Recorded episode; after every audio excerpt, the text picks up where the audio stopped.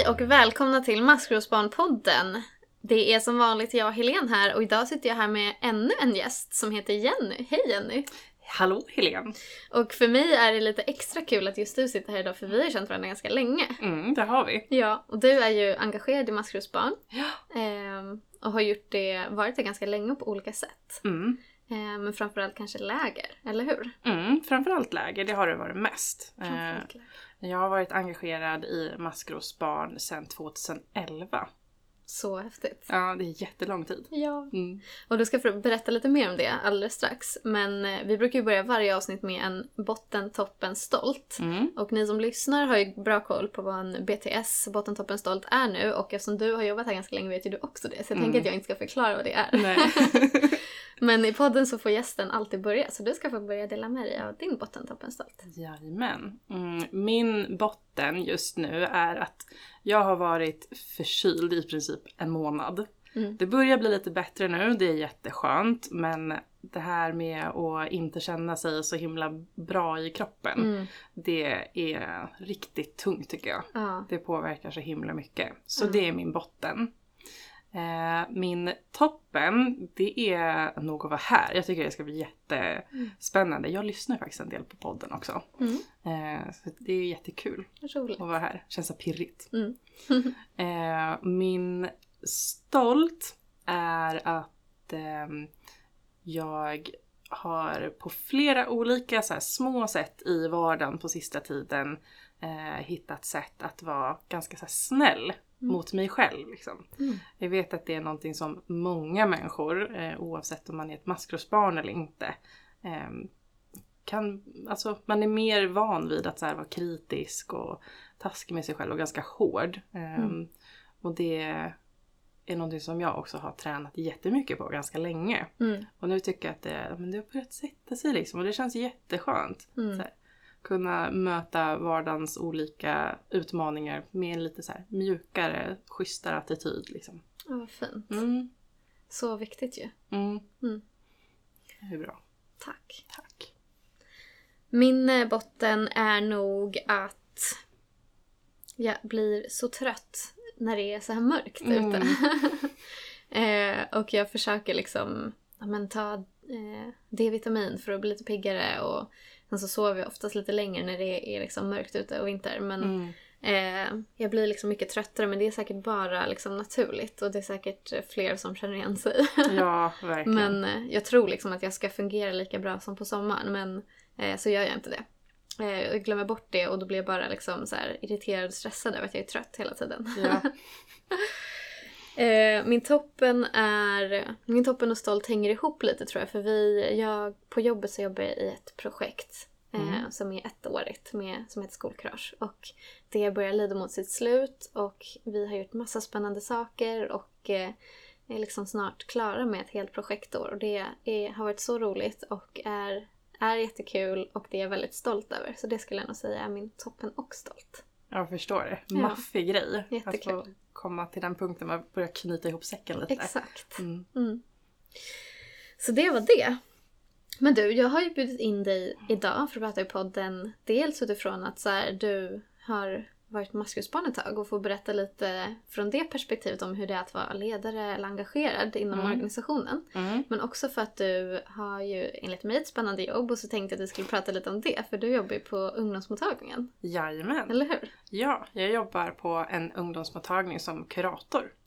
Och det är jätte, jätte, jätteroligt. Mm. Jag tycker verkligen om mitt jobb Mm. och det jag får göra där. Gud vad kul. Mm. Eh, jag tänker att vi ska prata mer om det sen, men eh, om du skulle presentera dig själv inför poddlyssnarna, hur skulle du presentera dig själv då?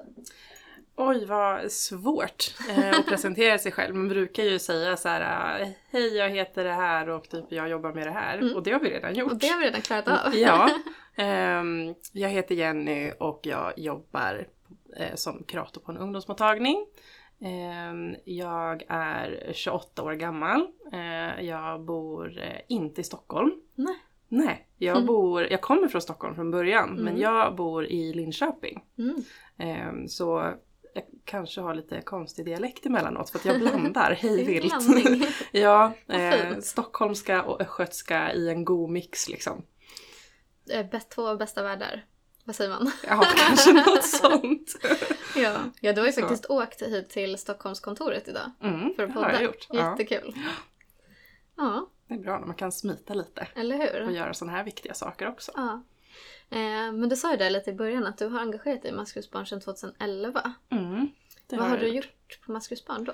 Mm, från början där 2011 när jag blev eh, engagerad då eh, jobbade jag i chatten i Mm. internetstödet. Back in the days Back när det var. MSN som gällde. Just det. Ja. Alla kanske inte ens vet vad MSN är. Nej, jag kommer knappt ihåg vad MSN är. Nej, jag tror inte att det finns längre heller, eller? Nej, jag tror inte det. Nej, men det var ju typ ett chattverktyg. Ja, På jag tror det internet. dyker upp som så här memes nu för tiden. Så här, kommer ni ihåg det här? Vad gamla vi har blivit. Ja. Så. Ja. ehm, men där började jag i eh, chattstödet ehm, och lite med mail och sådär. mm. Ehm, det gjorde jag från början. Och sen så har jag jobbat mycket på läger Mm. som lägerledare. Mm. Och lägerchef. Och lägerchef också. Ja. Och ungdomsledarhandledare Exakt. någon gång. Lite Lite, olika saker ja. på läger. Ja, Mm. Gud vad kul. Och jag kommer ju ihåg, för jag började ju strax innan dig. Mm. Eh, och också som volontär och satt i chatten och svarade på mejl och sådär. Och jag kommer Ja. ihåg första gången jag skulle med på ett fredagsmys hette det då. Nu har vi torsdagsmys. Men då hette det fredagsmys. Mm. Så kommer jag ihåg att du och jag var på ett första tillsammans. Ja, Kommer ihåg just det? Ja, det Och kommer så jag stod vi där ihåg. utanför och vi gick dit tillsammans och var jättenervösa och så knackade vi på. Ja, det var så stort att så här, få träffa ungdomarna så här, på riktigt. Ja. I verkligheten. Ja men precis, från att Mm. ha suttit i chatten och träffat liksom i Ja. skrift. Mm. Som också är så himla fint men till att få så här hänga på ett helt annat sätt. Ja. Och att inte veta så här. Alltså jag kommer ihåg eh, att jag var så nervös och jag kan känna igen det när ungdomar beskriver första gången de kommer till maskrosbarn men Mm. att jag som vuxen också kände mig så nervös. Jag Ja. stod där och bara, tänk om de inte tycker om mig. Jag kanske gör något jättefel och säger Ja. något konstigt eller bara Exakt. det blir jättetokigt. Ja, Det kändes ju så viktigt och stort liksom. Verkligen. Och så var det inte, man behövde inte vara nervös för det var så fint ju. Det Ja. var så varmt och, kommer du ihåg hur Ja. du kände? Ja, axlarna sjönk ner ganska Mm. fort. Det var så här jätterolig stämning och så här, Ja. alla ledare var så här, bara släppte in en och ungdomarna också. Ja. De så här, tog hand om oss Ja. minns jag. Så här, Vi ska göra det här nu, ni kan vara med oss typ. Ja, Jättefint. jättevälkomnande. Mm. ja. När började du på läger? Började du på en gång på läger också då? Nej, jag började på läger. ehm, Jag, tror, jag gjorde något litet um, inflik så här, på ett påskläger en Mm. gång. Ehm, och egentligen bara så här, kom och hängde och var med lite grann. Mm. Ehm, men sen första gången som jag jobbade på liksom, ett stort läger på sommaren, det Mm. var 2013. Mm. Så det var första gången. Kul. Sen har jag jobbat på massa läger Mm. sen dess, både på sommaren och på de andra lovlägren. Mm. Helgläger har jag inte varit på. Nej. Det är så spännande vad som händer där. Ja. Det vet inte jag. Det vet inte du. Nej. eh, kanske blir någon gång i framtiden då, ett Mm. helgläger. Ja, precis. Och sen har jag gjort lite andra saker än läger också. Jag har Ja. faktiskt eh, jag satt i styrelsen ett par år. Ja men just det, Ja. det gjorde du. Ja. Och vad gör man när man sitter i styrelsen då? Mm, då får man eh, sitta med och tycka till och bestämma om vad som ska hända med hela Mm. föreningen. Ja, Ehm, för Maskrosbarn är ju en förening och då måste man ha en styrelse som fattar, fattar liksom de högsta besluten. Är det så? Mm, Det ja men lite så fattar de högsta besluten och så här, framförallt ha koll på att eh, den som är liksom högsta chefen Mm. gör rätt. Ja. Och inte liksom ser till eh, alltså att pengar går till något annat ställe än dit de ska. Och ja. att saker och ting liksom så här sköts ordentligt och att det är ordning och reda. Mycket sånt. Ja, och sen få, om det är om man ska fatta beslut om, ja men till exempel när eh, man ska göra någon så utvecklingsgrej, så här, när, när Göteborgskontoret skulle öppna till Mm. exempel. Då kan det vara en sån sak som ledningsgruppen vill prata med styrelsen om. om så här, är det här en bra grej? Ska vi Mm. göra den här Mm. utvecklingen? Till vad exempel. Så man får, man får vara med och tycka till och så här, tänka förhoppningsvis lite kloka tankar kring Ja. hur, hur föreningen ska skötas framåt. Liksom. Bra. Mm, väldigt spännande. Ja, jag förstår det. Ja, jag är ganska nyfiken av mig så att det här Mm. med att få höra saker så lite bakom kulisserna, Mm. det är jättekul. Ja, vad roligt. så. Då har ju du sett navigation från lite olika håll också låter det Mm, som. det Och jag gjort. genom åren medan det har utvecklats. Ja, verkligen. Jag har varit på många olika kontor Ja. runt om i Stockholm. Ja, jag har suttit på olika ställen. ja. Men hur hittade du Maskrosbarn då? Hur kom det sig att du började liksom jobba här eller Mm. Det var ju en eh, liten resa i sig. Jag kom i kontakt med maskrosbarn när jag var 17. Mhm. Eh, och då var det så här att jag satt i en eh, liten, liten soc-lägenhet. Mm. eh, som jag bodde i själv. Eh, och typ satt och scrollade på TV och åt popcorn något sånt. Mm. Hade inte så värst mycket att göra. Eh, och då så... Jag hade typ fyra kanaler. Jag hade inga pengar att ha så här flashiga paket. Mm. Och streamingtjänster fanns ju inte då. Alltså Nej. Netflix var inte uppfunnet än. Det är helt sjukt. Ja, jättekonstigt. Mm. Eh, men då så eh, kom den här galan, Svenska hjältar, upp Ja. eh, på TV4. Mm, det. Eh, och det året, när jag var 17 år gammal, det var det året som Therese fick pris. Just det, Therese, en av grundarna. Precis. Ja.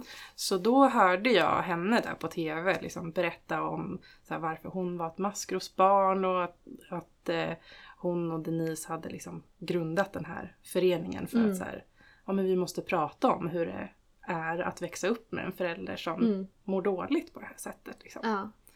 Och jag tror att det var första gången som jag hörde någon sätta ord på vad det var jag själv hade varit med om Ja. i min uppväxt. Jag kände igen mig jättemycket. Mm. Och jag kände också jättestarkt att så här, det här var ju typ den bästa idén någonsin. Mm. Tyckte det var helt fantastiskt att det här fanns nu. Mm. Och det känns jättekonstigt att ingen hade kommit på det innan. Mm. För att liksom, ja, men om jag hade fått veta att det här fanns och att man kunde prata på det här sättet och kanske träffa andra med liknande erfarenheter Mm. när jag hade varit så här, ja, men 13, 14 år. Mm. Eller 15 för den delen. Det Ja. hade hjälpt så himla himla mycket. Mm.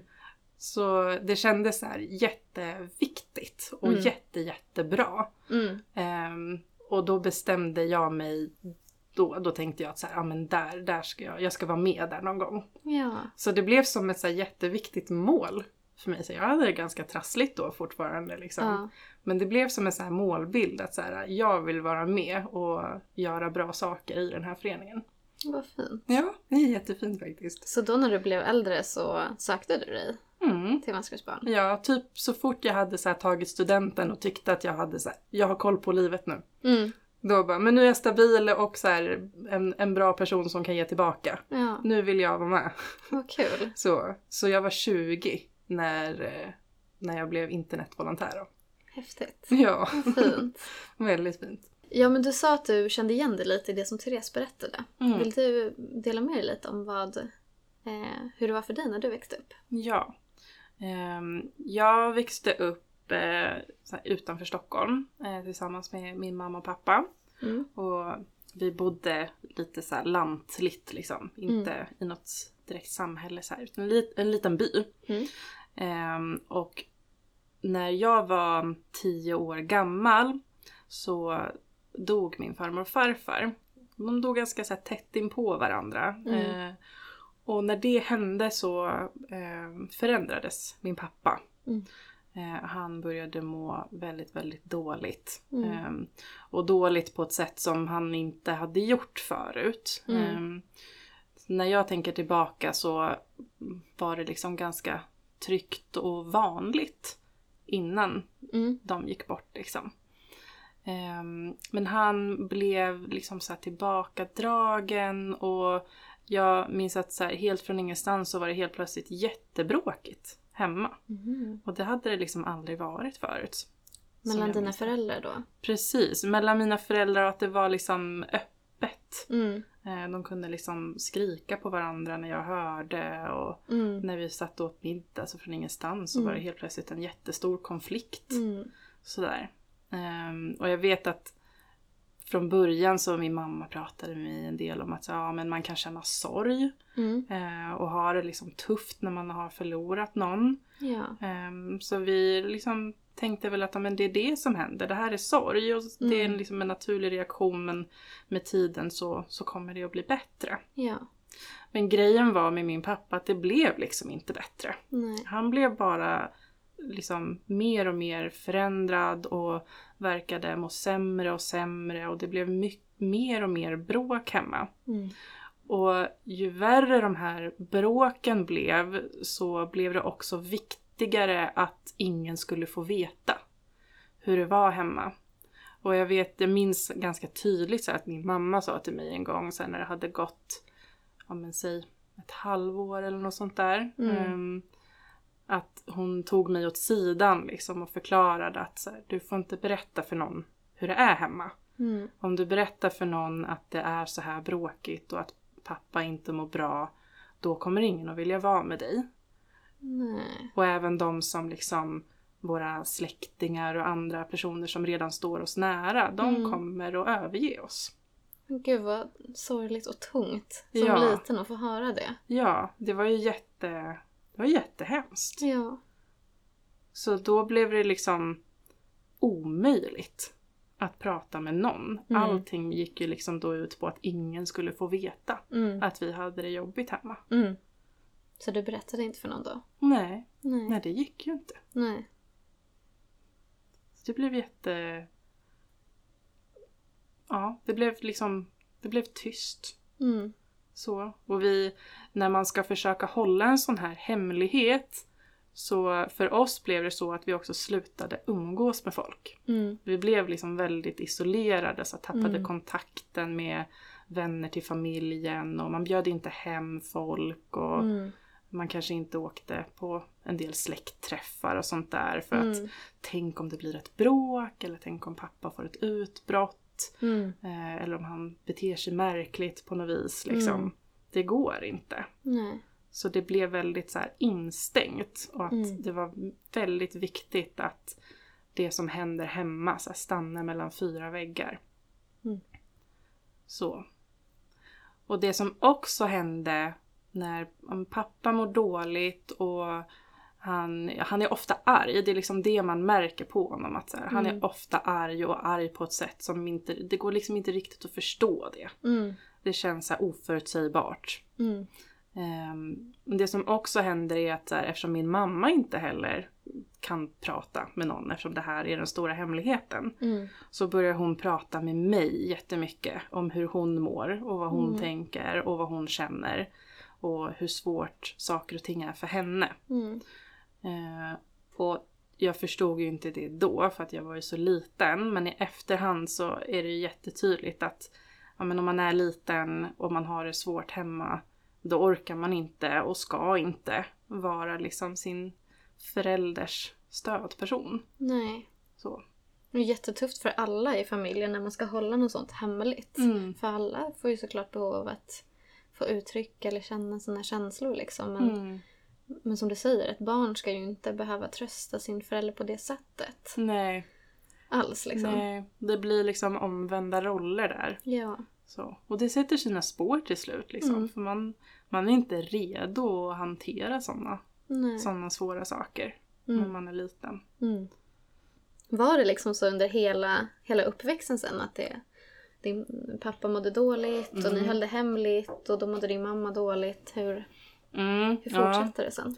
ja men det fortsatte lite på, på samma sätt där att det skulle vara hemligt och pappa mådde dåligt och mamma pratade väldigt mycket med mig om hur hon hade det Mm. eh, och att jag var hennes stöd sådär. Ehm, men det skruvades också upp, alltså de här bråken blev liksom mer och mer dramatiska och det kunde kännas som att de höll på i veckor i sträck liksom. Mm. De tog liksom aldrig slut. Ehm, och mamma mådde ju sämre och sämre så att jag fick ju höra mer och mer så svåra saker om hur hon mådde och Mm. hur uppgiven hon kunde vara och att allting var så hemskt. Mm. Ehm, och sen så börjar man märka att alltså, pappa blev liksom ännu sämre. Inte bara det här att han var arg utan han, eh, men han hade svårt att sova och han började få svårt att så här, eh, ja, men sköta så vardagliga saker. Mm. Som så här, saker som man, om man mår bra så orkar man att till exempel liksom byta kläder regelbundet och liksom Mm. duscha tillräckligt ofta och sådana saker. Mm. Men det, det började liksom att dala Mm. Sådär och han eh, började så här, bli sjukskriven från jobbet och sådär. Att han, han orkade liksom inte jobba, Nej. han funkade inte. Eh, och sen när jag var 12 eh, så gjorde han faktiskt ett självmordsförsök. Mm. Så, som han överlevde, men han var på sjukhus ett tag Mm. efter det. Eh, och när han var där på sjukhuset så ja, men då fick han eh, lite mediciner och, och han fick också en diagnos då. Mhm. Och då fick han en diagnos som heter depression. Mm. Och det kommer jag ihåg när jag, när jag fick höra det, att han Mm. hade fått den här diagnosen. Jag visste inte alls vad det var för något. Nej. De berättade det på en gång eller? För De dig? berättade det för min mamma och Mm. hon berättade det för mig efter ett tag. Mm. Så, men medan han fortfarande var på sjukhuset så. Ja.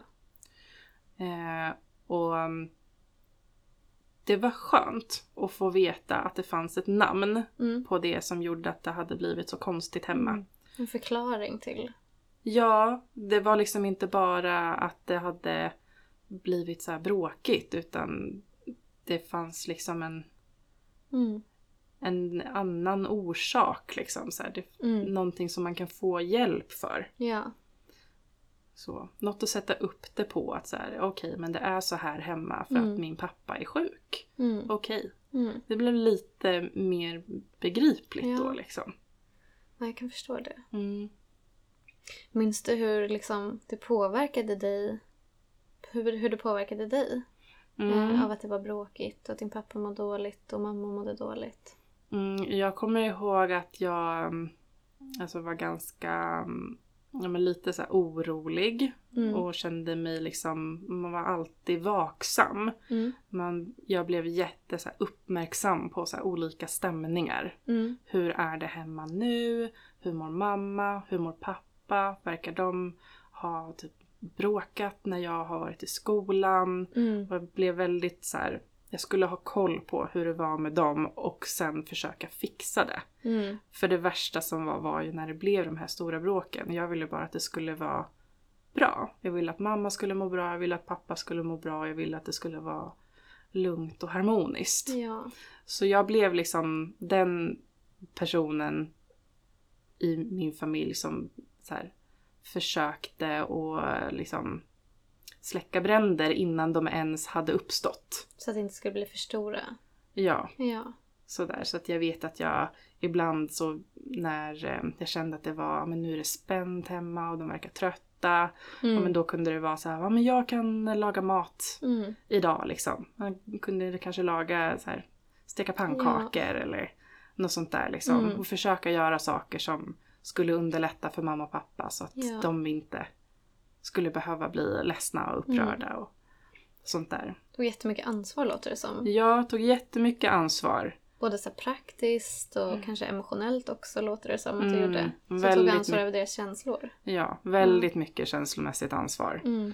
Ehm, och det blev någonting som min mamma sa till mig en del var att ehm, ja, men jag var liksom den, den bra pusselbiten i livet. Mm. Eh, och på ett sätt så kan ju det vara en, väldigt bra grej att få höra. Att Mm. man liksom är en, någonting som, som får en att må bra och Mm. liksom någon som man är stolt över och sådana där saker. Mm. Men det som blev för mig i det här var att det kändes som att så här, mitt syfte och min funktion i hela familjen och framförallt i så relation till min mamma var ju att vara den som hela tiden gör henne glad. Ja. Så. Och det kan vara med att här, trösta henne, att förstå henne eller såna här saker som att här, prestera i skolan. Mm. Att vara en, en elev som får bra betyg eller Mm. som är duktig och bra på olika saker Mm. och liksom bara kommer med glädje in i livet.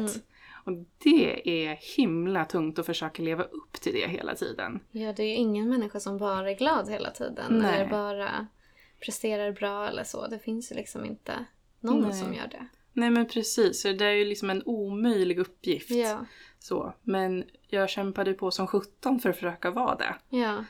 Och det blev inte så himla bra. Nej. Det mår man dåligt av efter en stund. Liksom, Mm. Att ha den, den pressen. Mm. Och också känna att om jag inte lever upp till det här, Mm. då kommer hela världen gå sönder. Ja, För just nu så känns det som att det är bara jag som håller ihop den. ja. Hur mådde du då, då när, när, det liksom var, när det var så? Mm, då... um, Alltså jag började nog få lite...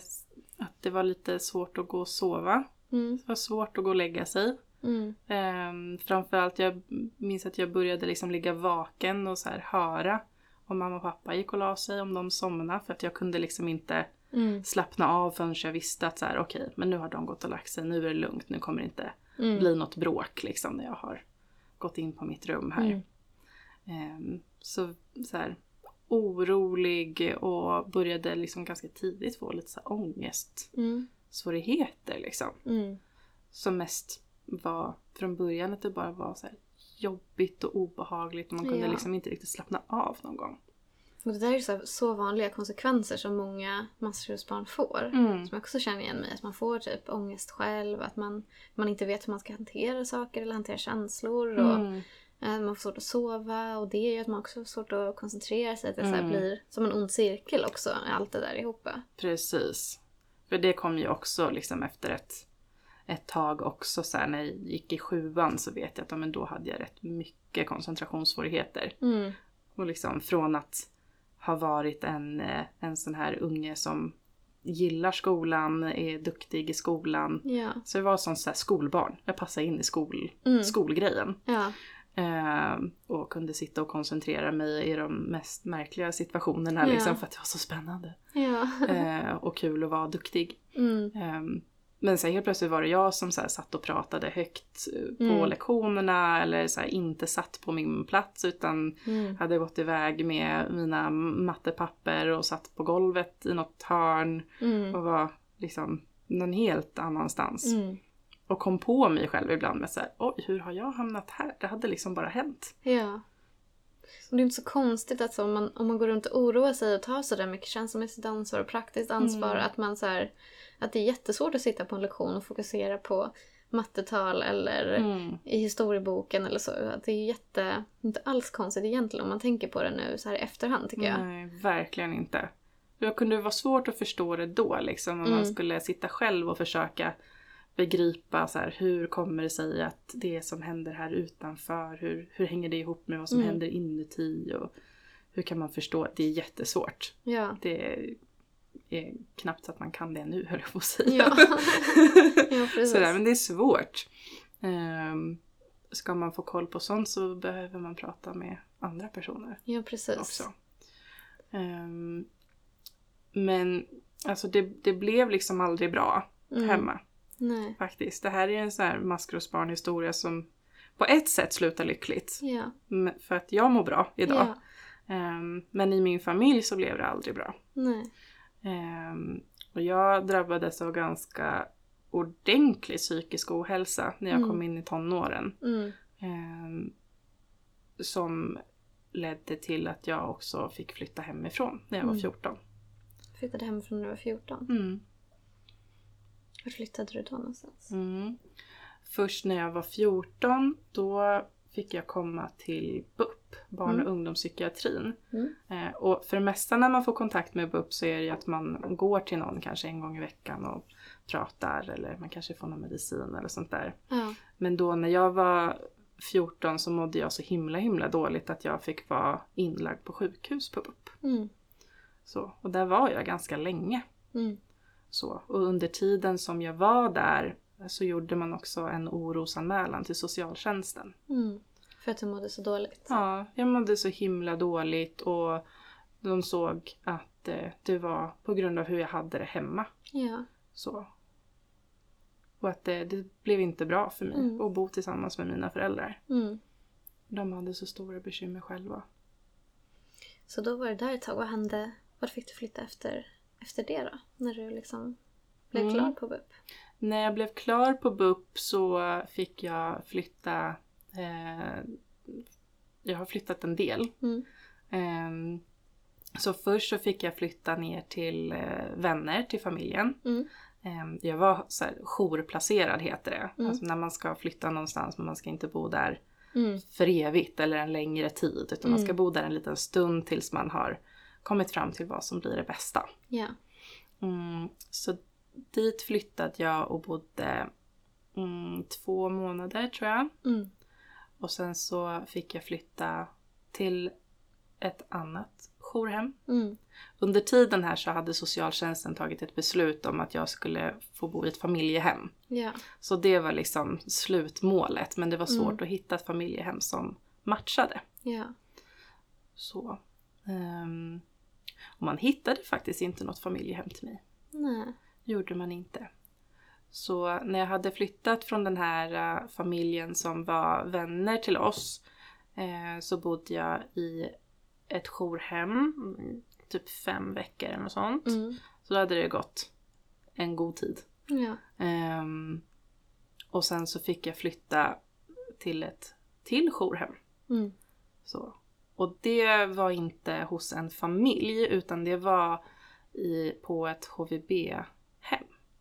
Där Och- andra ungdomar bor. Precis. Mm. Och det här med HVB det står ju för hem för vård och boende. Ja. Så det kan se ut väldigt olika beroende på vad det är för verksamhet och Mm. inriktning och sånt där.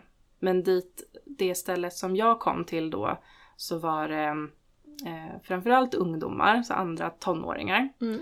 eh, som bodde och så var det ett par som, som drev det här stället Mm. liksom. Så att det var ett jätte, jättestort hus. Eh, men ganska så här familjärt ändå. Mm. Eh, och där var jag kvar i nästan tre år sedan. Okej. Hur var det att bo där? Mm, det var jättebra på vissa sätt Mm. och inte så bra på andra. Mm. Eh, de här som hade det här stället var fantastiska. Ja. För det tänker jag att det är viktigt att säga. Alltså, jag har flyttat runt en del men alla de här ställena så var det jättebra vuxna. Mm. Så, så att det var jättebra på, på alla de ställena där jag fick bo. Mm. Så, ehm, Vad skönt att det åtminstone var så. ja. Så det var jätteviktigt. Och även där på BUP så tyckte jag att det var... Mm. Jag fick träffa jättebra vuxna som Mm. hjälpte mig jätte, jättemycket. Mm. Som hjälpte mig att sätta ord på en massa, massa saker som Mm. jag inte hade kunnat sätta ord på innan. Ja. Men hur blev det för dig att flytta runt sådär? Hade du Mm. önskat ett familjehem eller ville du bo hemma eller hur? Hur Mm. blev allt det där? Jag ville inte bo hemma. Nej. Eh, när jag kom dit till BUP och hade varit där ett tag så sa jag jättetydligt att så här, jag vill absolut inte flytta hem. Jag kommer bara må super, super dåligt Mm. om jag får flytta hem. Mm. Jag vägrar. Mm. Då Gud vad rim- modigt ändå. Bra Ja. att du sa det. Ja, jag tror jag hotade med att bli hemlös och allt möjligt. Ja. Hemskt så att de verkligen, verkligen skulle förstå hur Mm. mycket jag menade det här. Eh, men de lyssnade på det och fick också liksom socialtjänsten att lyssna på det. Mm. Mm. Men det här med att flytta runt så där mycket, alltså jag ville ju flytta till ett familjehem. När jag fick höra om vad det var för någonting så tyckte jag att det var en bra idé. Mm. Jag tänkte att ja, men det blir bra. Mm. Ehm, men att inte veta när det skulle bli av eller vilken familj det skulle bli Mm. eller vart någonstans i Sverige det skulle bli. För Mm. det visste jag faktiskt ingenting om. Nej. Det var jättejobbigt. Mm. Eh, och under lång, lång, alltså typ i tre år så visste jag inte vart jag skulle bo nästa dag. Nej. Vad läskigt. Ja, jätte, jätteläskigt. Ehm, och tog jättemycket energi. Det var Mm. väldigt svårt att försöka så här, må bättre Ja. med de förutsättningarna liksom. Mm. Eh, så det, det var inte bra. Alltså Nej. man behöver, även om saker och ting kanske inte är helt klart och man kanske inte vet exakt, så behöver man veta lite Mm. i alla fall. Så man får någonting så här att hålla Exakt. sig i. Och ibland så blev jag jätteorolig för att så här, men tänk om ja, men SOS kanske har glömt bort mig. Mm. Så bara, Och så ska det ju inte vara. Man Nej. har ju också som, som barn rätt till att få information. mm, Och få vara också delaktig i beslut som tas. Och sen så är det ju så med SOS ibland, som vi vet fortfarande, att så här, Mm. ibland finns det inte alltid tillräckligt med familjehem eller sådär. mm, Eh, att det kan vara svårt och så här, för att de också vill matcha såklart med en bra familj. Och, mm, men sen så är det ju också jätteolika såklart. Vissa eh, trivs jättebra i familjehem och vissa trivs bättre på HVB-hem. Och, mm, och vissa hamnar rätt på första gången och vissa behöver testa några olika innan det känns rätt. Liksom. ja. Men man har ju absolut alltid rätt att få information. Mm, Eh, och få vara med och delaktig i vad som händer. Det är ju liksom ändå, det är ändå ditt liv liksom. precis. Och eh, jag ska säga, det här är ju några år sedan och jag vet att så här, det är inte alltid optimalt och superbra idag heller. Mm. Men jag vet att det finns liksom lite andra regler och mer styrning nu Mm. än vad det gjorde då. Jag Mm. vet inte om ni har pratat om vad BBIC är för någonting här i podden Nej, till jag exempel. tror nog inte just BBIC, men vi pratade ju för två avsnitt med Sanna om socialtjänsten. Mm, Eh, och så här, hur, hur det funkar och vad de är till för och sådär. Eh, så att socialtjänsten, då när du och jag var yngre, så såg kanske lite annorlunda ut än vad det gör idag då. Ja, ja, men jag tror faktiskt det. Att så här, man är mycket mer så här, noggrann med att ta vara på Mm. barns röst och barns Mm. rättigheter. Liksom. Jag och så finns det ju barnombud idag. Ja. Om maskrosbarn. Det Ja. fanns det inte då. Nej. Ja, jag hopp- alltså det bör ju vara bättre i alla fall. Och så här, Mm. om inget annat så ska ju barnkonventionen bli lag nästa år och då ska ju allt som står i barnkonventionen liksom finnas i lagen. Att man ska kunna hävda liksom att så här, Mm. om jag har rätt till information och jag har rätt till att få vara delaktig och, och Mm. allt sånt där. Precis. Så Ja. det, det blir bättre. Ja. Så. Men eh, vad eh, tyckte du liksom hjälpte till att du sen skulle liksom må bättre eller så här? Eh, du, Mm. du sitter ändå här idag och du sa att så här, du mår bra idag och så. Vad, Ja. vad var det som blev viktigt för dig för att du skulle Mm. komma hit? Det som var det allra viktigaste från början, liksom, det var att få träffa här, bra vuxna. Mm. Som här, hjälpte mig att så här, sätta ord på så min historia och som kunde här, finnas där med alla känslor och alla alltså, konsekvenser som hade dykt upp Ja. av att liksom ha haft föräldrar som inte Mm. kunde vara så där bra föräldrar som man förtjänar. Ja. Ehm, så det var jätte, jätteviktigt att det fanns så vuxna som också så här, tog mitt parti Mm. och trodde på min version av hur saker och ting Mm. hade varit och hur det hade blivit för mig. Alltså som, som tog mig på allvar. Mm. Det ska jag säga är bland, alltså, någon slags kärna i Mm. en vändpunkt. Liksom, i Mm. att, för det gjorde också att jag lite senare kunde börja ta mig själv på allvar. Ja. Och orka ta lite så kloka beslut för min egen del. Mm. Ehm, att det kom en punkt när jag var ehm, 16 ungefär. ehm, där jag fick kontakt med någon så ordentlig ilska. Mhm. Jag var så himla himla arg på mina föräldrar att de Alltså att deras ehm, sjukdomar och eh, liksom svårigheter hade drabbat mig så himla hårt. Jag hade ju inte Ja. gjort något liksom. Det var Nej. inte mitt fel att saker och ting var så himla jobbigt och konstigt och krångligt. Ja. Och då blev jag så himla himla arg och jag tyckte det var så himla himla orättvist. Det är ju Mm. det också. Ja, Mm. Men då vet jag också att jag bestämde mig för att det, deras handlingar, det skulle inte få avgöra liksom resten utav mitt liv. Mm. Så här, jag är ju bara 16, det är hur många år som helst kvar Ja. som jag ska leva. Mm. Ehm, och då, det här ska inte, det får inte vara så att liksom den här starten får bestämma Mm. alla andra år som ska komma. Gud vad bra. Mm. Det kan vara ganska svårt i och för sig att hitta dit men vad bra att du liksom hittade den inställningen för det Ja. är ju så. Ja, och jag tror att så här, hade jag inte träffat på de här liksom bra vuxna Mm. som hade sett mig och respekterat mig och tagit mig på allvar och Mm. peppat och trott på mig och tagit mitt parti och Mm. alltså stått i min ringhörna. Ja. Då hade jag kanske inte kommit dit som 16-åring. Då hade det kanske tagit längre tid. Då blev, det hade varit svårare. Ja. Men eh, vad modigt att du också vågade berätta tänker jag. För det är också ganska svårt många gånger. Ja. Eller kan vara svårt. Ja. Och att det också var nog på grund av det. Att du vågade berätta för de här vuxna som du då kände dig trygg med. Mm. Hur det var och vad du kände och sådär. Ja. Och det var lite så här i och med att jag mådde så himla dåligt och Mm. hade kommit till sjukhuset liksom. Mm.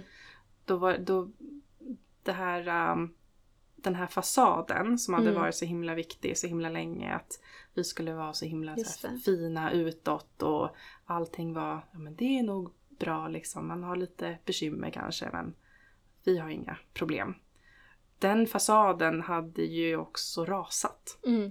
Så det fanns liksom ingenting att förlora där. Mm. Och det jag upptäckte när jag faktiskt började berätta hur det faktiskt var Mm. Var ju att det kom jättemånga människor som ville hjälpa. Mm.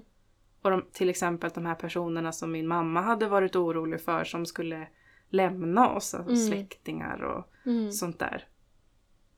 Det var ju raka motsatsen. Mm. De var ju där och fanns där och ville Mm. hjälpa och ville stötta. Men Mm. de hade inte vetat någonting. Nej. Gud vad svårt då när man liksom har gått och trott. Och vad Mm. sorgligt att du har gått och trott liksom att de kommer lämna mig om jag berättar hur det är och sen så... Gjorde de inte det? Nej. Och vad fint att de inte gjorde det. Mm. Eh, vad fint att du ville dela med dig av din historia. Mm. Eh, det betyder jättemycket. Jag tycker att det betyder jättemycket för mig att få höra andras historier om hur de liksom så har eh, varit med om hur de har kämpat och tagit sig igenom svåra saker. Jag kan tänka mig att det Mm. betyder mycket för andra också att få höra det. Mm. Eh, och då kan man ju verkligen också tänka sig så här, att du sen hittade maskrosbarn och vill engagera dig här och sådär. Mm. På samma sätt som många av oss som också har liknande historier. Ja. Men eh, vad sku, hur skulle du säga att maskrosbarn betyder för dig? Vad betyder organisationen för dig? Mm. Den, här, den har betytt olika saker genom åren Mm. eftersom jag har hängt med eh, så himla länge. Ja. Ehm, från början så var att Maskrosbarn grundades och liksom att jag fick kännedom om Maskrosbarn handlade supermycket om så här upprättelse. Mm. Ehm, det finns andra som mig och det finns andra som tycker att det är värt att kämpa för Mm. någon som har det som jag. Ja. Ehm, det var jättestärkande. Mm. Ehm, att sen få um, gå in i liksom stödverksamheterna och få engagera sig har varit väldigt mycket så här att ehm, Alltså det är något häftigt att få vara del av någonting som är större än en själv. Mm.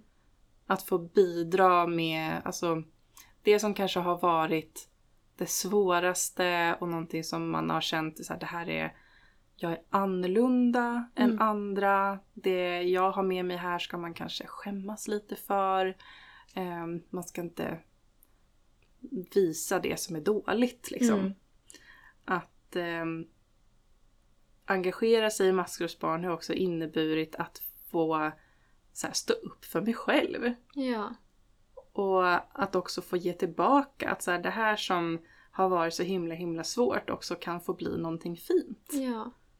Och, att- meningsfullt. Och att här är, det, här är man det normala på något vis. Mm. Att det normala blir an- alltså att man inte behöver vara det som sticker ut eller det som är, som du sa, så annorlunda. Utan Mm. här har vi alla liknande saker och att det får vara okej. Ja, verkligen. Och det som... Alltså att få träffa andra som när man bara säger så här, ja ah, men min pappa var deprimerad Mm. och det sitter ett helt gäng som bara så här, ja ah, okej fattar. Ja. Och man känner att så här, ah, ni fattar. ja. Det är ju fantastiskt. Mm. Det är ju att få känna så här gemenskap och um, alltså så här acceptans. Mm. Och en möjlighet att få så här, hitta en massa sätt som folk har kommit på i Mm. hur man kan så här, må bra eller lösa problem. Hur man så här, när man börjar bli lite äldre och börjar bli vuxen, så hur hanterar man sin bakgrund då? Hur kan man förhålla sig till det? Mm. Hur blir det i livet? Mm. Och att det är mycket, mycket värme. Mm. Ja, det är så... Det är jättefint, jag håller med dig Mm. i typ allt. Mm. Och det är jättehäftigt också och när vi nu får höra så här, din historia om det du har varit med om och hur du kämpade som ung och att så här, du sitter här idag och har engagerat dig jättemycket, du sitter i styrelsen, du jobbar på ungdomsmottagningen, du har utbildat dig, du har Mm. gjort massa bra saker för dig själv och så här, Mm. kommit liksom långt så här, i en egen utveckling och så här, att få sitta här och må bra liksom idag. Det är Mm. ju så fint och häftigt och så bra ju. Ja, och det är Eh. fantastiskt. Mm. Det är så här, jag stannar upp ibland och bara jäklar vilken resa men shit vad bra det blev. Ja. Mm. Jag tänkte på, eftersom att du har jobbat ganska mycket läger, Mm. skulle inte du vilja berätta lite om hur det är att vara ledare på, Mm. på ett läger på Maskrosbarn? Mm. Eh, att vara ledare på Maskrosbarn är ju att få göra en massa olika saker. Ja. Det är allt från att så här, klä ut sig och eh, hitta på någon konstig rapplåt på fem minuter och rimma på olika julklappsrim. ja. Ehm, och ha tomtejakt och dansa kring midsommarstång och Mm. massa så här tokiga kul grejer. ja. Ehm, till att få möta en massa fina ungdomar. Mm. Och både få skratta och prata om så jätteseriösa saker. Mm. Prata om livet Mm. och mötas upp i det. Mm. Mm.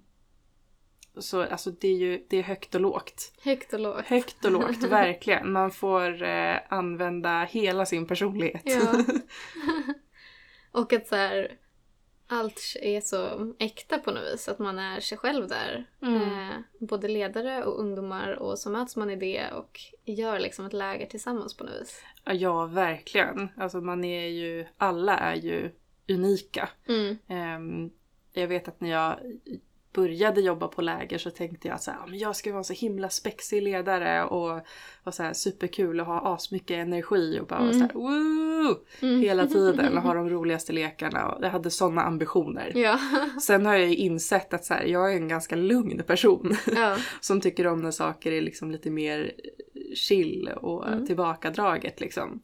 Så där eh, har jag liksom okej, men jag får hitta, jag är bättre på det här, Mm. så här ska jag bidra mest.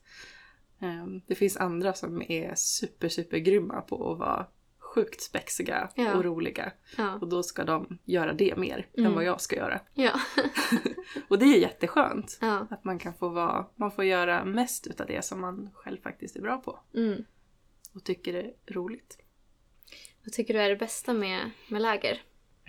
Mm, det bästa med läger är eh, att alla efter ett tag verkligen så här kan vara precis den de är. Mm. Ehm, när man har liksom lärt känna varandra lite grann och man har haft massa, massa kul och man har så här lärt känna varandra på olika sätt. Och, eh, men man också börjar så här slappna av Mm. för att nu är vi bara här tillsammans. Mm. Ehm, och man ser att både ledare och ungdomar bara så här leker. Mm. Det tycker jag är det bästa. Mm. Det får bara vara så här fint och lekfullt och så kramas man och gråter lite däremellan. Liksom. Ja. Och så bara är man där tillsammans och tar hand om varandra. Ja. Ja, det är fantastiskt. Och så är det svårt att beskriva tycker jag egentligen. ehm, hur läger är. För det är någonting liksom magiskt på något sätt som är svårt att beskriva och sätta Mm. ord på. För vi gör ju massa saker som du sa. Vi gör jättemånga roliga saker. Leker, går och badar, åker på aktiviteter. Mm. Så gör vi seriösa saker. Vi pratar om sådana här ämnen som vi pratar om i podden till exempel. Ja. Och vi pratar med varandra i grupp och enskilt om saker som är jobbigt för en just Mm. nu i livet. Mm. Eh, och är liksom en blandning också av åldrar. Att det är så här ungdomar, tonåringar som går på läger och sen Mm. har vi ungdomsledare som är gamla deltagare och så har vi ledare som också är olika åldrar och har olika erfarenheter av att vara maskrosbarn och, Mm. och så möts vi. En salig blandning av människor Ja, och har det eh, fint och jobbigt men tillsammans. precis. Det är jätte... Det är så himla himla fint. Och att det som man kanske drar sig lite för att prata om. Alltså så här, Mm. hur, hur är det hemma? Mm. Det är liksom inget konstigt där. Nej. det pratar vi om. Mm. För vi vet att det kan vara på alla möjliga olika sätt. Mm. Ja, häftigt. Har du något så här... ehm, jag tänker att de ungdomar som går på läger har ju en upplevelse av hur det är att gå på läger. Och så är det säkert lite annorlunda när man är ledare på läger. Mm. Eh, jag kan uppleva att det är högt tempo ibland. Mm. Från morgon till kväll. Ja. Men på ett kul sätt också. Mm. Eh, mycket energi liksom. Åt både energi ut och energi in. Ja, verkligen. Eh, högt tempo och det Ja. från det att man vaknar till det att man går och lägger sig. Mm. Liksom. Ehm, så det, läger är ju lite längre för ledare än Mm. vad det är för ungdomar. Mm. Ehm, och det är superviktigt att så här, man tar hand om sig längs vägen. Alltså Mm. så här, när man ska sova så ska man försöka sova. Ja. Ehm, och istället, för det, man kan ju bli så tagen av att man är där för att det blir det här Mm. liksom magiska och fantastiska och man liksom lär känna varandra och man lär känna Mm. ungdomarna som kommer dit. Mm. Ehm, det är viktigt att så här, ta hand om sig själv Ja. så att man orkar. ja. Orkar ha kul hela tiden, hela vägen. Eh, Minns du hur det brukar kännas för dig liksom så här, precis när innan ungdomarna ska komma? För jag vet att vissa ungdomar till exempel, i alla fall första gången man åkt på läger så har många sagt att det var jättenervöst och läskigt Mm. och jag är så imponerad av alla de här ungdomarna som vågar komma första gången och typ Mm. inte känner någon. Mm, så modiga. Ehm, minns du hur det känns för dig som ledare så här, att stå och vänta på att de ska komma alldeles snart? Åh, man är ju så taggad! Alltså man bara längtar, alltså det är jättepirrigt. Ja. Och om det är ungdomar som man inte har träffat förut så är det Ja. liksom så "Åh, vad är det för personer som ska komma hit? Och Mm. så här, man går runt och tänker på massa olika saker. Så här, hur ska vi göra för att de ska här, känna sig välkomnade och bli så trygga som möjligt så fort som möjligt. Ja. Och, ehm, att det, liksom, det ska bli bra för alla de här Mhm. individerna som alldeles, alldeles strax liksom ska komma hit liksom, tysta och nervösa med sina väskor. Mm. Ehm, så mycket så förväntan. Ja. Pirrig förväntan. Ja, alltså jag kan känna mig så pirrig i magen ibland också. Ja. ja. Även om det är så nya ungdomar eller ungdomar som jag känner. Mm. Och hur brukar kännas så när de ska åka hem. Åh, när de ska åka hem. Man Mm. vill, ofta känner jag att så här, nej men jag tar hem er allihopa. Eh, För att man har ju lärt känna varandra då och eh, så här, man det blir liksom som en småsyskon. ja. Man, man vill fortsätta. Man lär känna varandra så bra och få så Ja. relationer liksom, till varandra. Precis, och så här, fin kontakt och så här, man, tycker, man tycker om dem så mycket. Mm. Och, så och man, en, man vet att så här, okej men nu ska, vi, åka- nu ska ni åka iväg. Mm. Ehm, och jag som inte nu för tiden jobbar läger jättemycket Mm. kan jag verkligen känna jag vet faktiskt inte riktigt när vi ses nästa gång. Nej. Så då brukar jag mest känna så här, och bara skicka iväg en massa så här att jag önskar, önskar, önskar så mycket bara kärlek. Ja. Oavsett vad som händer framöver här så, så här, kom ihåg att ni är omtyckta liksom. Mm. Och att man tänker på dem jätte, Ja. jättemycket. Även Mm. om man inte ses på ett tag. Ja. Ja, det är så speciellt. Eh, här på Maskrosbarn. Man, För att det är Mm. så mycket relationer. Man Ja, får så fina relationer här. ja. Okej, nu har vi pratat jättemycket om Maskrosbarn och hur det har varit här. men du jobbar ju liksom med något annat. Mm, Eh, också, det här är liksom som något extra. precis, det här är bonusen. Exakt. Ehm, och du är ju på något som jag brukar kalla för UMO, eller som kallas för UMO. Mm. Berätta, vad är UMO för något? Ehm, Umo är ett ställe för ungdomar. Mm. Ehm, det är lite så här olika åldersgränser beroende på vart i landet man Mm. bor. Ehm, men för det mesta så är det från att man är typ 13 Mm. till att man kanske är någonstans mellan 20 och 25. Mm. Ehm, den ungdomsmottagningen där jag jobbar så är det upp till 25. Ja. Ehm, Vi kanske ska förtydliga också att UMO är förkortning för ungdomsmottagningen. Ja. Och- Och det har ju säkert alla hört talas om kanske i skolan i alla fall, eller? Ja, kanske. Ja. Vet inte hur, Nej. bra, hur bra vi är på att marknadsföra oss. ja. Men det brukar brukar finnas en ungdomsmottagning i varje kommun va? Eller ja. Sta- Ja, okej. Nej, inte riktigt Det, det, beror, det beror på hur stor kommunen är, Okej. skulle jag säga. Men i många kommuner I finns många det en kommuner, ungdomsmottagning. precis. Ja. I många kommuner finns en ungdomsmottagning. Mm. Ehm, och det är, det är lite olika så här, vad det är för typ av folk som jobbar där. Mm. Eh, men det finns nästan alltid barnmorskor. Mm. Eh, och det är, en barnmorska är någon som är sjuksköterska och som sen har specialiserat sig. Mm. Eh, de jobbar mycket med så här preventivmedelsrådgivning, eh, om man har så här bekymmer med, med kroppen. Mm. Eh, om man vill testa sig för könssjukdomar och sådana grejer liksom. Just det. Mm. Ehm, för det så här, man börjar ju ha sex efter ett tag. Många, inte Mm. alla. Ja. Men en del i tonåren börjar ha sex. Ja. Och då är det jättebra att ha ett ställe som man kan vända sig till för att det ska vara säkert och tryggt. ja. Och man kan ställa frågor va? Och få Ja, tips och råd. Jättemycket Och... frågor. Mm. Jättemycket frågor. Alla frågor. Alla frågor kan man ställa. där. Ja, alla frågor. Eh, Det värsta som händer är att man får svar, jag vet inte, jag kanske behöver ta reda på det. Ja. Så, alla frågor kan man ställa.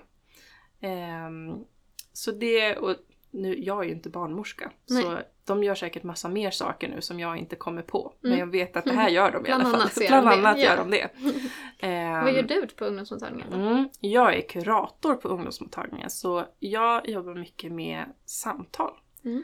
Ehm, och till mig kan man komma och prata om alla möjliga saker i livet. Ehm, men för det mesta så är det att man vill komma och prata om någonting eller att man, som gör att man kanske inte mår så bra. Mm. Ehm, och det kan vara allt från sin eh, hemsituation, Mm. hur man har det hemma, eller man har funderingar på vem man är. Mm. Det är ju någonting som kan vara jättejobbigt. Mm. Att känna sig vilsen och sådana Mm. saker. Eh, vem är jag? Vad ska jag bli? Ehm, är jag en person som blir kär i tjejer eller blir kär i killar eller alla möjliga? Mm. Ehm, Jag kanske inte är riktigt säker på om jag identifierar mig som tjej, om jag har fötts som tjej. Mm. Eh, Och alla har liksom sett mig som tjej under min uppväxt. Mm. Men kanske inte känner mig helt... Känner mig igen mig i det. Mm. Jag kanske mer känner mig som kille. Mm. Eller något helt annat Mm. däremellan liksom. Mm. Sådana funderingar kan man komma och prata om. Mm. Ehm, en jättemycket relationsprat Mm. på olika sätt. Mm.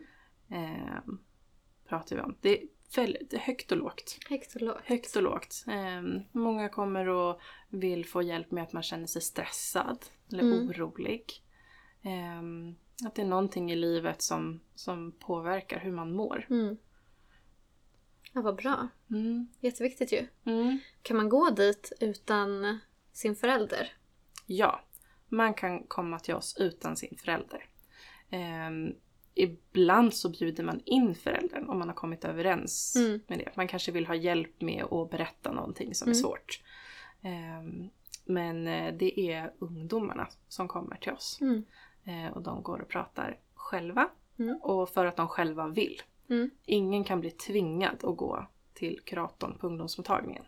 Det är bra. Det blir nog inte bra om man blir tvingad till att prata om någonting som man inte vill. Nej, nej, det blir inget bra alls. Det känns inget tryggt heller. Nej. Ibland så kan man ju vara i ett läge där man kanske behöver gå någonstans som man inte vill. Mm. Ehm, men så är det inte på ungdomsmottagningen. Där är det bara frivilligt. Ja. Så. Vad tycker du är det bästa med att jobba på ungdomsmottagningen? Mm, att få prata om livets stora och små frågor Ja. med unga människor. Mm. Det är jätteroligt. Mm. Och så här, få vara en, förhoppningsvis en del i att eh, livet känns lite mer hanterbart Mm. efter en stund. Liksom. Att man börjar må bättre. Är det många som kommer till ungdomsmottagningen? Mm. Det är många som kommer Mm. till ungdomsmottagningen. Ehm, och det, det ser också lite så olika ut Mm. över landet hur många det finns som Mm. jobbar på olika ställen och sådär. Men Mm. ehm, det är många som kommer och de kommer med alla möjliga typer av frågor. Mm. Så, så det är ganska vanligt skulle jag säga. Ja. Bra, Bra. att gå och prata. Ja, verkligen.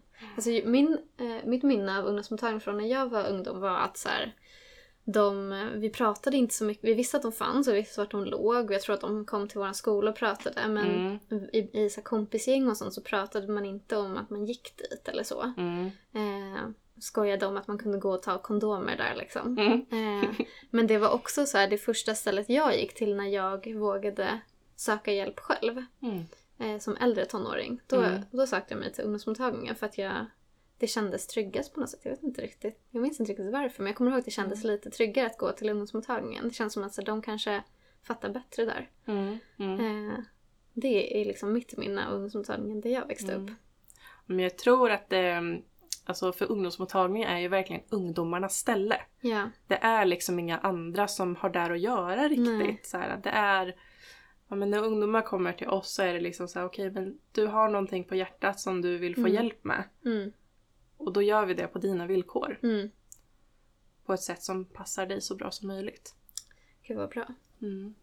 Har du någonting särskilt som du tycker att så här, det är viktigt att veta om ungdomsmottagningen? Antingen så här, om det är någonting som man Mm. tänker, det finns någon fördom mot ungdomsmottagningen eller någonting som, är bra som ungdom att veta. Ehm, bra som ungdom och veta om ungdomsmottagningar. Jag tror alltså att man, man kan få hjälp med väldigt många olika saker. Mm. Både som har med själen och kroppen att göra. Mm. Ehm, om man inte riktigt vet om det är ungdomsmottagningen man ska till eller om det är där man kan få hjälp för det som bekymrar en. Mm. Så kan man ändå vända sig till ungdomsmottagningen och få hjälp med att reda ut vart man ska i sådana fall. Gud vad bra. Ja. Ehm, Så det kan inte bli fel egentligen om man går dit Nej, helt enkelt? nej, det kan inte bli fel. Men man kanske får veta att så här, hmm, ja men det här, då tror jag nog att du ska vända dig till det här stället. Mm. Istället liksom. Och så Mm. kanske man kan få lite hjälp med att ta en kontakt dit. Mm. Eh, någonting som jag vet ibland kan vara att killar kanske inte riktigt känner att ungdomsmottagningen är ett ställe för dem. För att Mhm. det är så många som jobbar där som heter barnmorskor. Okej. Och det låter ju som någonting som bara kanske är till för tjejer eller Ja. personer med liksom kvinnligt underliv. Mm. Ehm, och det vill jag säga, killar kan gå till ungdomsmottagningen lika mycket Mm. som tjejer kan.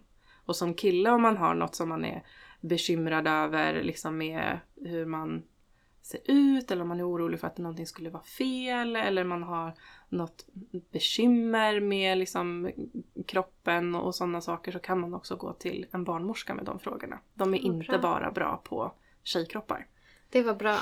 Bra att förtydliga för det är nog lätt att tolka Mm. det så kan jag tänka mig. Ja, Det är ett ganska gammalt eh, namn egentligen. ja det är ju det. Mm. Ja.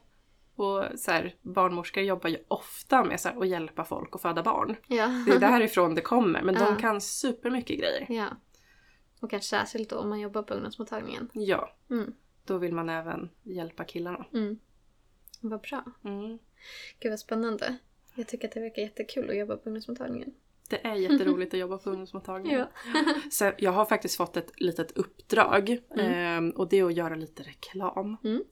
Ehm, för jag jobbar på eh, ungdomsmottagningen i Linköping Mm. och vi har också, vi kuratorer har en anonym chatt. Aha. Så i, om man bor eh, i Linköpings kommun eller Åtvidaberg, Ydre, Kinda ehm, och här, lite må- man får höra av sig till oss även om man inte bor på de ställena. Men det är framförallt de ställena det är liksom till för. Mhm. Ehm, så kan man chatta med en kurator hos oss anonymt. Ah, så om man då undrar någonting om man passar att gå till ungdomsmottagningen eller inte, då skulle man kunna fråga det där. Ja, det kan man göra. Det var jättesmart. Mm. Hur ofta är den här chatten öppen? Den är öppen fyra dagar i veckan. Coolt. Är den. Och då är den öppen ungefär tre timmar åt gången. Så det är ett ganska stort Ja. liksom, tillfälle där, de här fyra dagarna som någon gång där kanske man har ja. möjlighet att gå in och fråga veta. lite, prata lite. Och hur hittar man den här chatten? Mm, det smidigaste skulle jag säga är att googla. Mm. Så, för att den är, men den finns att få tag i om man går in på umo.se. Mm. Så där kan man ju söka upp så sin, om det finns en ungdomsmottagning i närheten där man Just det. bor. Vilken den närmsta är då? Precis, Mm. och då kan man ju liksom leta reda på Linköpings ungdomsmottagning och där kan man Mm. snirkla sig vidare till den här chattfunktionen då. Mm, det är bra. Så. Men googla chatt ungdomsmottagning Ja. Linköping typ Mm. så då brukar det komma upp. Bra. Mm. nu sa du att det här var lite reklam för din ungdomsmottagning men jag tänker att det är ett bra tips för om man liksom undrar någonting eller vill Mm. veta någonting att, så här, ja, men, att då kan man chatta med kurator och fråga. Eh, om det Precis. känns för läskigt att gå dit första gången. Ja. Eh, och umo.se är också ett bra tips för där står det ju massa saker som kan vara bra att veta både om kroppen och om hur man kan känna sig och om Mm.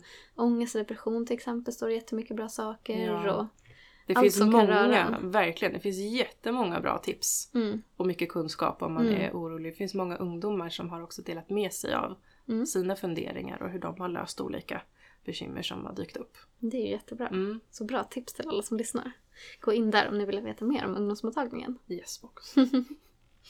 Eh, men du, nu ska jag ställa dig några standardfrågor jag brukar fråga mina gäster som Mm. ni som lyssnar vet.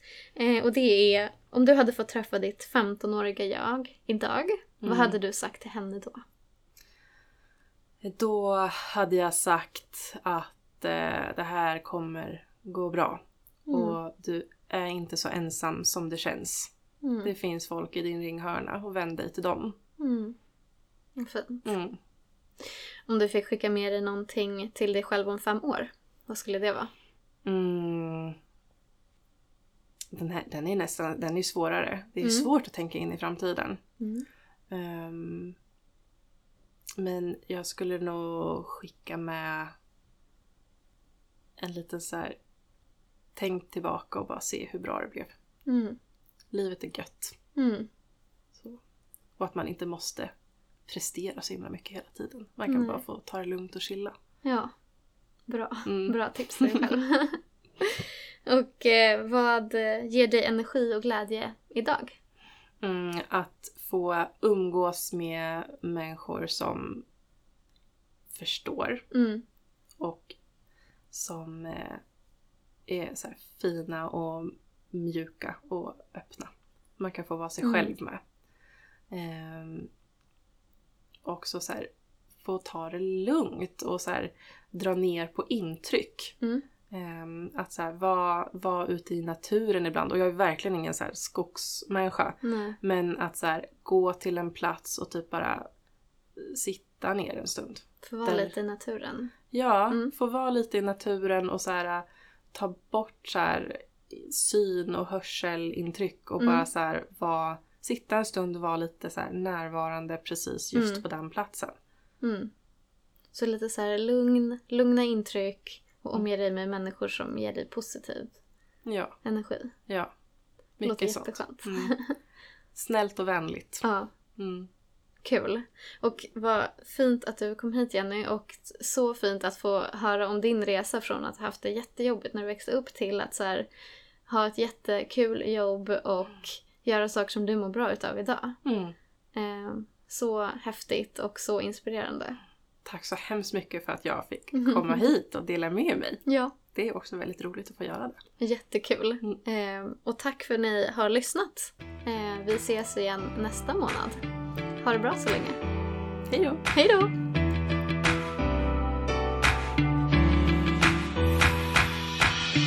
Du kan klättra så högt som du vill. Det är ditt liv, ingen annan säger till. Sikta mot toppen, dit du vill nå. Fortsätt att kämpa, du vet att det går. Du kan klättra så högt som du vill. Det är ditt liv, ingen annan säger till. Sikta mot toppen, dit du vill nå Fortsätt att kämpa, du vet att det går. Det finns så mycket skit som händer hela tiden. Men vi är skapta för att överleva livet. En svår uppväxt med rädsla och hat. Men vi var för små för att kunna slå tillbaks. Gått igenom smärta och tårar dag för dag. Men vi lever än idag för vi är maskrosbarn Vi kämpar för att kunna ta oss vidare. Vi är starka, tillsammans är vi krigare. Vi borde inte skämmas, vi ska vara stolta. För det finns folk som inte fattar hur vi orkar. Vi ska kämpa, vi ska klara. För maskrosbarn är vi födda till att vara. Ett maskrosbarn slutar aldrig kämpa. De försöker fast de kan få vänta. För det är det som gör oss starka och unika. Enskilda individer olika men ändå lika. Du kan klättra så högt som du vill. Det är ditt liv, ingen annan säger till. Sikta mot toppen, dit du vill nå. Fortsätt att kämpa, du vet att det går. Du kan klättra så högt som du vill. Det är ditt liv, ingen annan säger till. Sikta mot toppen, dit du vill nå. Fortsätt att kämpa, du vet att det går. Jag vet att det känns tufft, försök att blicka fram.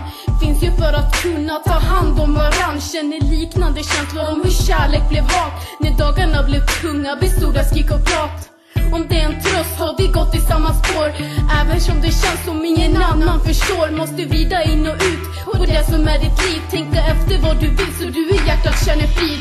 Skapa dig en framtid, du är värd att må bra.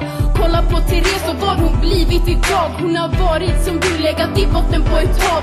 Men kämpade sig upp och skapade maskrosbarn. Hennes ord är så sanna, precis som hon sa. Även om man mått väldigt dåligt kan man må väldigt bra. Vi vet att du klarar, vi vet att du kan. Det är aldrig för sent, bara greppa någons hand. Du kan klättra så högt som du vill. Det är ditt liv, ingen annan säger till. Sikta mot toppen, dit du vill nå. Fortsätt att kämpa, du vet att det går.